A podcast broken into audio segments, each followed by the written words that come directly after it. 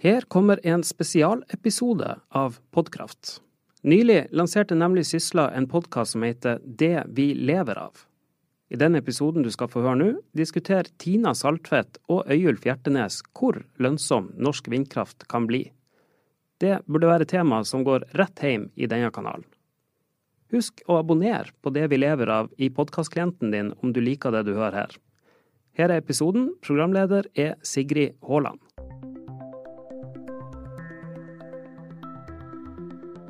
Det er ingen som vet hvor lønnsom den norske vindkraften blir i framtiden. Likevel legger utenlandske selskaper milliarder i næringen. Har de skjønt noe norske selskaper ikke har forstått? Du hører på Det vi lever av, en podkast fra Sysle. Jeg heter Sigrid Haaland.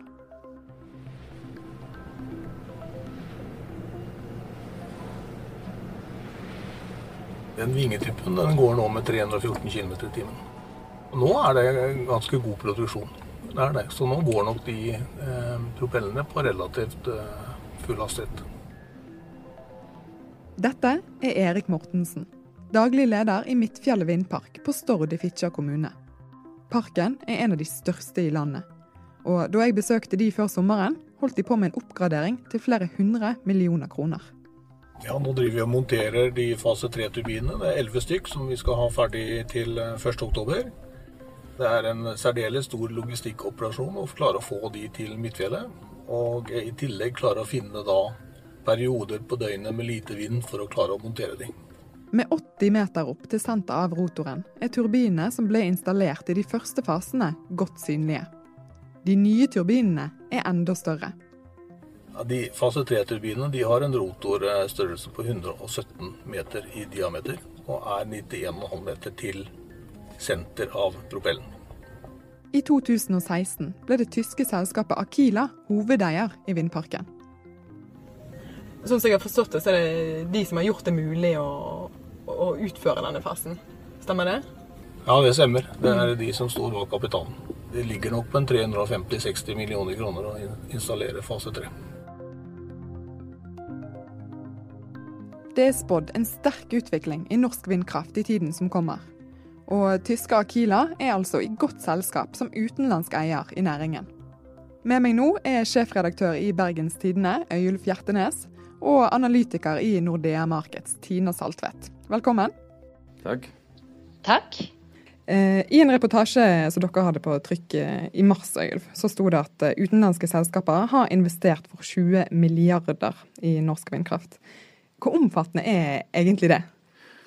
Det er veldig omfattende. Du kan si at De anleggene som er her i dag, de er noen har norske eiere gjennom lokale kraftselskap, andre har utenlandske eiere. Men det spesielle er at veksten framover nesten utelukkende er gjennom utenlandske selskaper. Eh, det er, kun, eh, det er kun ett unntak, det er Fosen, som er det aller største anlegget. Der er Statkraft en av de som er inne. Utover det så er det ut, nesten utelukkende utenlandske selskap. Så det betyr det at all den veksten vi skal se her fram mot 2020 eh, og i årene etterpå det, Eh, den er finansiert og eid av utenlandsk selskap. Mm. Men, men, vi ser jo ikke den samme, altså samme, den samme tilstedeværelsen av utenlandske selskaper i, i vannkraft. Men det, det, er litt forskjellige regler? Ja, det er to forskjellige ting. Du kan si at Vannkraft har blitt sett på som et felleseie i Norge og har vært eh, behandla politisk på den måten. Og, eh, den ene momentet der er jo heimfallsretten, som sier at når en konsesjon utløper, så skal anlegget vederlagsfritt eh, gå tilbake til staten. Eh, det andre er eh, lovverket om offentlig eierskap, som er en del av lovverket som regulerer vannkraft i dag. Med unntak av småkraftverk så kan utenlandske og, eller andre private aktører da, eie kun inntil en tredel av et anlegg. Sånn at det er store begrensninger på hva, hva andre enn staten og fellesskapet kan eie i Norge på vannkraft. Men på vindkraft har man ikke det, så da er det fritt fram for alle som får konsesjon til å bygge. Mm. Tina, kan du si litt om eh, hva man tenker om lønnsomheten i tiden framover innen vindkraft? Det vi har sett eh, når det gjelder lønnsomheten til vindkraft, det er jo at den har jo blitt betydelig bedre. Og det skyldes jo rett og slett at kostnadene ved å produsere vindkraft har jo falt kraftig de senere årene. Eh, fremdeles så er det jo noen eh, Fremdeles det jo noen prosjekter som eh, ikke er lønnsomme uten subsidier.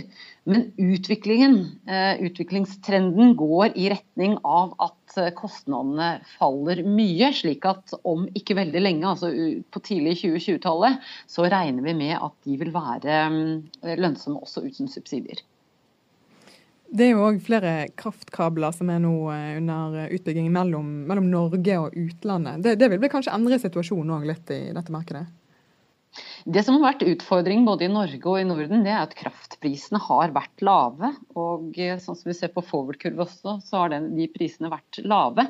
Og det har gjort at det har vært vanskelig å se lønnsomheten eh, fremover. Og det har nok også gjort at investeringslysten har vært noe lav.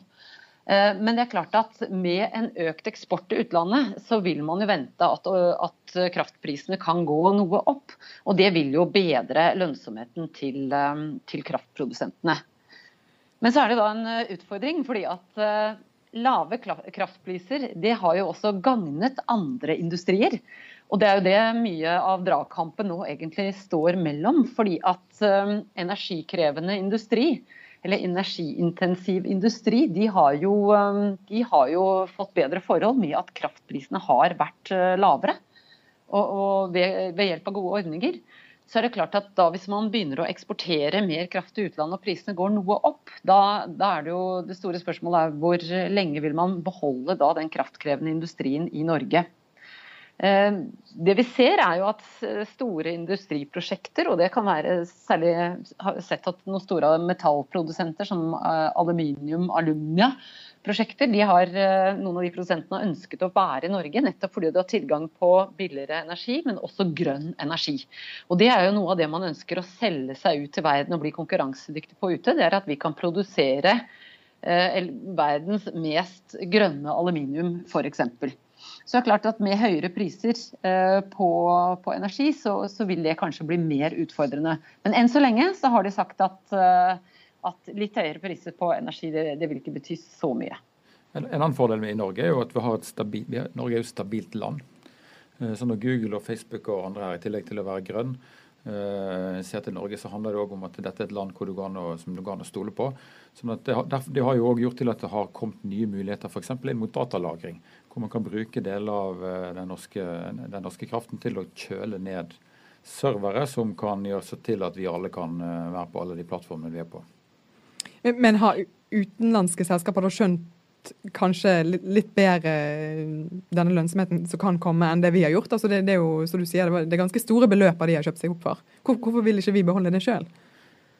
Eh, det er et godt spørsmål. Det er jo, eh, Hvorfor vil ikke nordmenn investere i de områdene her? Da må man huske på det at mens det kommer utenlandske selskap hit og investerer i vindkraft og andre ting, så skal vi huske på at vi gjennom oljefondet er en av verdens største investorer ute i verden. Så mens vi kjøper opp handlegater i eh, London og hva det skulle være, så kommer det òg eh, utlendinger hit. Det er, del, det er, noe av det vi må akseptere hvis vi skal være, være, vi skal være ute i verden og hente avkastning der. Og så er det òg en driver her at ute på kontinentet eh, det er en aldrende befolkning, det er store pensjonsmidler, det er lave renter, det er få steder å hente avkastning. Da det, kan det være spennende å gå i den type nye marked som dette her er. Når vi er inne på det med investorer også, så er det jo ikke tvil om at vi nå begynner å se en endring i trenden på hva investorer krever og hva de ønsker. Og eh, det er jo nettopp at det skal være bærekraftig.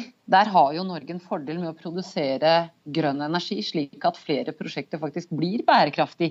Ved at du, kan, eh, ved at du da kan eh, tillegge prosjektet ditt en, en, grønnere faktor enn det du ellers ikke ville kunne gjort. Så det er ikke tvil om at vi ser en trend nå om at, at produsenter ønsker grønn Eh, energi. Rett og slett fordi at kunder, investorer, begynner å kreve det i en helt annen grad enn det var kun for to år siden. Og så er det jo viktig også å huske på at eh, det er bra å ha litt eh, utenlandsk konkurranse, utenlandske krav. Se på norsk sokkel f.eks., så er det jo ikke tvil om at, at her har man jo ønsket konkurranse fra utenlandske selskaper, rett og slett fordi at man skal få kostnadene ned og, og fokusere mer på teknologiutvikling. Det samme gjelder jo produksjon av vindkraft. altså Med økt etterspørsel og ikke minst krav fra utenlandske investorer, så er det klart at det også vil skjerpe leverandørene i Norge. Så jeg tror det er sunt å få, få en litt utenlandsk innblanding i vår vindkraftproduksjon. Og så er det sånn at Grunneier vil jo i hvert fall få en andel av de inntektene som blir skapt fra vindkraften som blir produsert Eh, langs kysten. Eh, det er det ene jeg skal huske på. Men det andre er at vindkraft eh, er kontroversielt i Norge. Mm. Det handler kanskje ikke så masse om at det er utenlandske selskap. Det handler mer om de voldsomme inngrepene dette her vil medføre. Det er snakk om å bygge turbiner som er 180 meter høye. Det er da, Til sammenligning så er jo Bergen rådhus 50 meter. Mm. Master på toppen av Ulriken er 78, og mm. til og med Oslo Plaza er jo ikke så høy som 180 meter. Og Det skal man da bygge mange hundre av langs norskekysten. Det er et land som skal selge seg på turisme, og som skal ta vare på dyre- og fugleliv osv. Og, så og eh, ikke lage for mange veier rundt alle veier på sårbare steder. Så er det et stort spørsmål mange steder. Mm. Men, men, det du nevner der, kan det kanskje påvirke hvor attraktivt eh, utlendinger eh, ser på dette her sammenlignet med nordmenn? Altså, så, som et norsk selskap så må du da stå midt i den motstanden der, kanskje på en litt annen måte enn et utenlandsselskap ville gjort? Det er mulig det at utenlandske selskaper bryr seg mindre om det enn eh, BKK ville gjort, f.eks. Mm, mm. Det er klart. Det er klart at det kan, jo, det kan, jo, påvirke norske selskaper i en annen grad, nettopp pga. navnet. altså Merkevarenavnet kan få en, kan få en, en rift. og Det tror jeg er nok større, større sjanse for for et norsk selskap enn utenlandsk, eller at man står Du får mer oppmerksomhet rundt det, også av norske medier, selvfø mm. medier, selvfølgelig.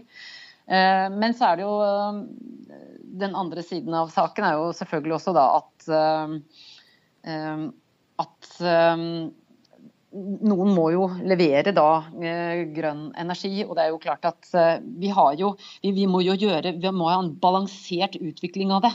Noen steder må man jo kunne komme til faktisk å produsere den grønne energien som verden etterspør.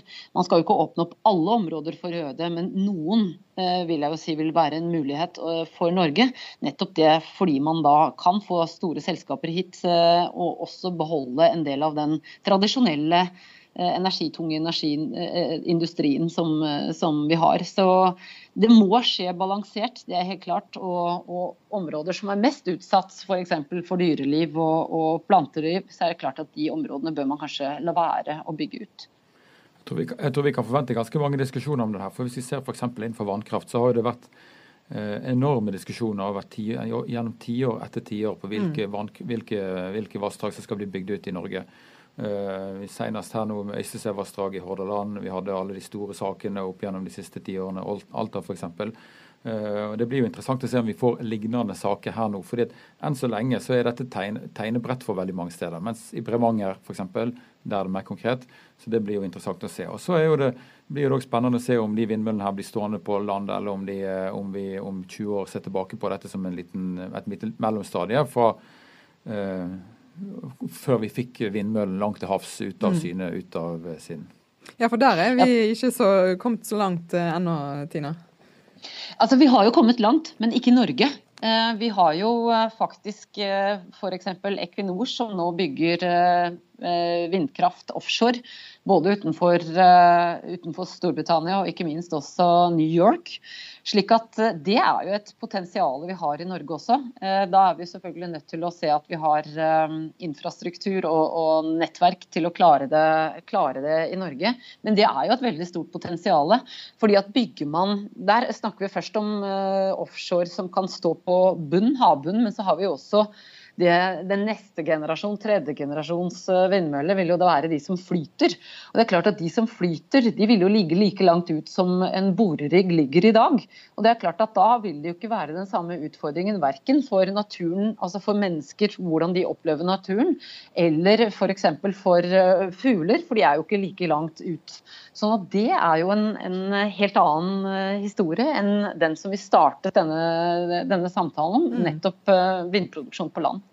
Men, men, hvis jeg trekker dere litt tilbake til nettopp det, til vindproduksjon på land. Eh, hvor sannsynlig tror dere at det er at vi om noen år står i en situasjon der pengene vi tjener på vindkraft i hovedsak går til utenlandske selskaper? Jeg tenker at uh, det vil ta litt tid. Fordi um, det, altså det, som blir veldig spennende å se, er jo nettopp når, når disse gode ordningene, sånn som disse um, grønne sertifikatordningene frafaller i 2021, hva som vil skje med vindkraft i sin helhet. Eh, det vil jo avgjøre, altså Mye vil jo falle på om vi har klarer å få ned kostnadene eh, sånn at det blir faktisk lønnsomt uten subsidier etter 2021, når denne ordningen frafaller. Men jeg tror at vi har jo tilgang på mye norsk grønn energi gjennom vannkraften i Norge allerede. sånn at jeg tror fremdeles at det vil være et stort innslag av utenlandske investorer. For jeg tror de ser en stor mulighet til å skaffe seg tilgang til grønn energi i Norge. Kanskje mer enn vi selv gjør. For øyeblikket. Det er interessant at du spør om pengene som vi tjener. Altså, det, er jo det, det, er det, som har vært den norske folkesjela her i vannkraften. Det er, vår, det er vår, vår, folkets kraft og, mm. og det er vår, vår inntekt. Men vind er jo ikke behandla på den måten, som et, som et felleseie på den måten. Uh, og Det er jo litt av forskjellen mellom vannkraft og vindkraft her. sånn at uh, I prinsippet her så blir vindkraft behandla som en hvilken som helst annen, uh, annen næringsvirksomhet i Norge. her da. Og Vi ville vel ikke sagt vi om dagligvare eller bilsalg eller utvikling av skipspumpe. Nei, Det er kanskje underbevisstheten min som kommer litt uh, til orde. Ja, Dette er litt konflikten òg. Ja. Skal, mm. skal, du behandle vind på en annen måte enn du har behandla vann? Mm. Uh, og per nå så blir det behandla på en annen måte. Jeg syns kanskje ikke det er så veldig rart, fordi at uh, vi må skille mellom de to ulike, ulike energikildene her. Altså vann, vannet, uh, Vannkraften tilhører jo Norge. altså Det er jo liksom den kraftproduksjonen ligger i tilgangen på nettopp de elvene. Men vind finnes jo overalt, og da er det teknologi vi snakker om. Slik at det blir litt forskjellig sånn sett. At man eh, at, eh, altså, Vindtilgangen den har man jo langs hele kysten. Det er, ikke, det er ikke tilgangen der som nødvendigvis er problemet. Men, eh, men på vannkraft må du jo faktisk ha en elv. og Det er jo litt det samme med naturressurser sånn som olje og gass f.eks. Der er det jo de landene som gitt har de naturressursene som, som, kan utvikle de, og Det gjør at de har mer større landstilhørighet enn vind f.eks. som finnes over hele, hele, verden. Der er det jo teknologien som bestemmer mye. Samme med solenergi, der er det jo teknologien som bestemmer mye. For at sol har man også tilgang til over det hele. Og så er Den historiske konteksten her er jo helt ulik. Altså på, inngangen til 1900-tallet så var altså det var en industrireising, og vannkraften ble sett på som en helt sentral var jo en helt sentral brikke i industrireisinga. Hvor, hvor rennende vann ble gjort opp til flytende aluminium langt på vei, og Norge kunne selge de varene ut i verden og, og bygge en velferdsstat basert på det. Mens vindkraft det blir det er annerledes. For her er jo det nesten prosjektene i seg sjøl som er det industrielt spennende. Det er ikke det at du skal konvertere kraften til, til aluminium eller noe annet. Så sånn Det er jo et gigantisk teknologiprosjekt også det her, eh, å få til vindkraft på dette nivået her i Norge. Hvor du kan i praksis forsyne hele Vestlandet med strøm. Du får eh, siste ord, du Øyulf. Tusen takk for at dere var med begge to. Og tusen takk for at du hørte på Det vi lever av. Vi har nettopp startet opp denne podkasten, så vi har veldig lyst til å høre hva du mener om den. Send meg en mail på sigrid.haaland med dobbel a, at sysla.no, og tips oss gjerne om temaer som vi bør ta opp. Produsent for denne podkasten var Henrik Svanevik. Jeg heter Sigrid Haaland, og vi er snart tilbake.